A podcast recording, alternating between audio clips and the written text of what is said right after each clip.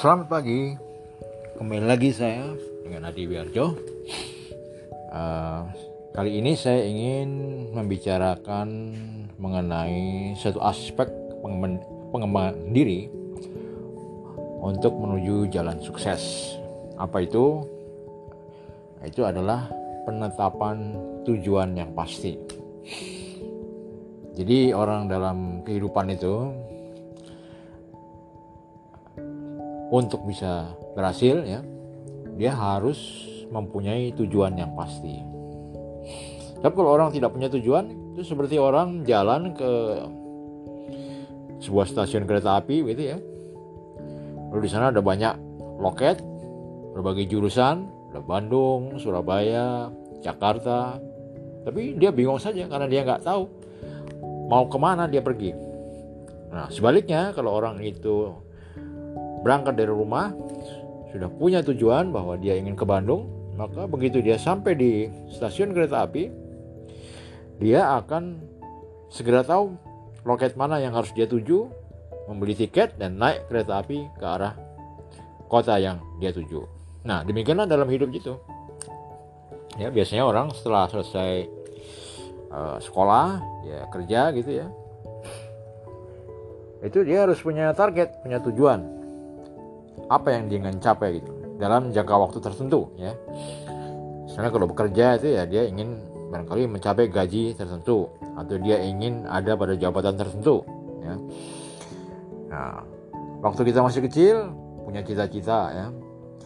Tapi barangkali cita-cita itu tidak tersusun dengan baik, jadi hanya sebuah imajinasi saja. Nah, begitu mereka dewasa, sudah mulai bekerja, nah yang namanya tujuan itu harus ditulis. Karena kalau hanya diingat saja ya, hanya dalam kepala saja tidak dituliskan, ya, nah, biasanya kita sering lupa atau kadang-kadang tidak membantu kita karena itu tidak dituliskan ya. Nah, dengan ditulis tujuan itu misalnya kita sekarang bekerja lalu ditulis bahwa dalam waktu enam bulan saya harus mencapai penghasilan 7 juta. Nah, tulisan itu disimpan dalam kantong atau di dalam dompet atau di mana saja, dibawa-bawa ke mana-mana. Nah, tiap-tiap kali kita memerlukan, uh, tiap-tiap kali kita punya waktu luang, kita baca kembali itu, kita renungkan, kita resapi ya, sehingga masuk ke dalam benak kita. Lalu hal itu menjadi semacam pembimbing.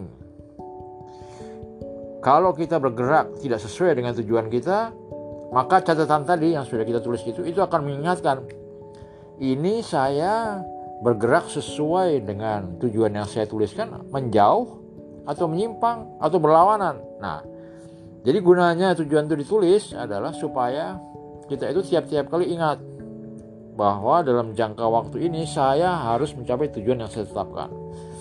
Nah, apa itu tujuan ya masing-masing punya tujuan sendiri-sendiri ya ada yang ingin mendapatkan jumlah uang tertentu, ada yang ingin barangkali bisa melamar gadis idamannya, ada yang barangkali ingin pergi ke luar negeri untuk menuntut pendidikan, ada yang ingin untuk beli mobil ya. Tapi tujuan-tujuan itu semuanya sebaiknya dituliskan dalam sebuah kertas dan itu dibawa dibawa-bawa ke mana-mana dibaca tiap kali sehingga tujuan itu meresap. Nah, kalau sudah meresap, itu nanti akan menjadi semacam rel yang akan membimbing kita supaya kita tidak melenceng ke sana kemari gitu di dalam kehidupan. Sehingga kita bisa mencapai sesuatu pada jangka waktu tertentu. Ya, tapi kalau orang tidak pernah menetapkan tujuannya dan tidak tahu dia mau ke mana ya bisa-bisa itu menjadi sebuah kebiasaan. Akhirnya kita nggak punya tujuan. Sampai nanti hari tua itu sepertinya tidak mencapai apa-apa. Ya. karena tidak pernah menuliskan tujuan tidak pernah menetapkan tujuan. Jadi dibiarkan aja hidup itu berjalan uh, sedapatnya. Nah ini kurang produktif cara yang hidup begini.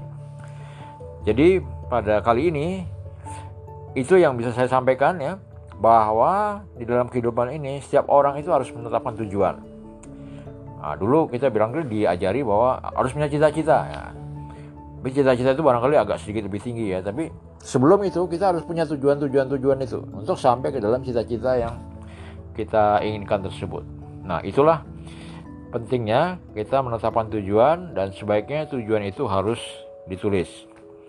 Demikian untuk saat ini. Dengarkan terus uh, seri dari pengembangan diri yang ingin saya yang akan saya sampaikan pada kesempatan-kesempatan berikutnya. Terima kasih banyak. Selamat pagi.